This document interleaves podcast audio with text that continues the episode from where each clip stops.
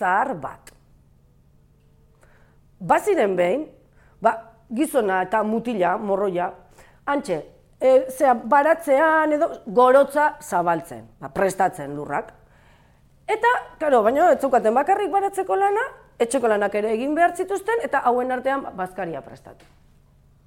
Egun horretan, ardi buru bat hartu eta egosten jarri zuten. Antxe biltzan, gizona, mutila, gorotza, zabaltzen eta gorotza, zabaltzen da, zabaltzen da, zabaltzen da, zabaltzen, eta tarteka ba, e, gizonak, nagusiak esaten zuen mm, zukaldera noa zura negurra botatzera.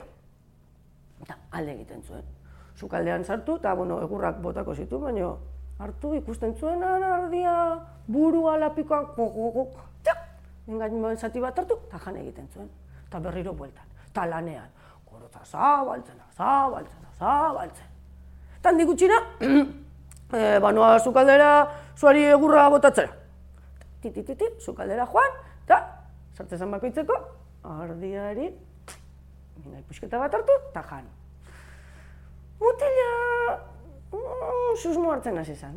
Mm, nagusia etzan zukaldera e, zuai egurra botatzea. Beste zerbait ere bazi joala, pentsatzen zuen, baina ezin ziurtatu, Eta, lako batean, nagusia, sukaldera joan zan batean, motikoa, lortu zuen ala nola, sukaldean sartzea iskutatzea, eta orduan txe ikusi zuen, zer egiten zuen nagusia, ardiaren mingaina jan.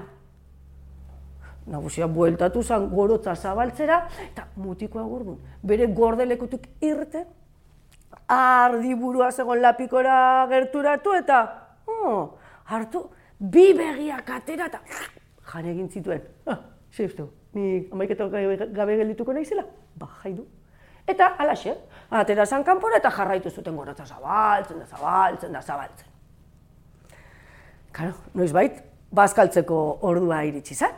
Tantxe jarri ziren maiaren inguruan, atera zuten lapikoa, eta lapikotik ardizar burua, jarri maiaren erdian, eta nagusiak hori ikusita, ardizar mukizu!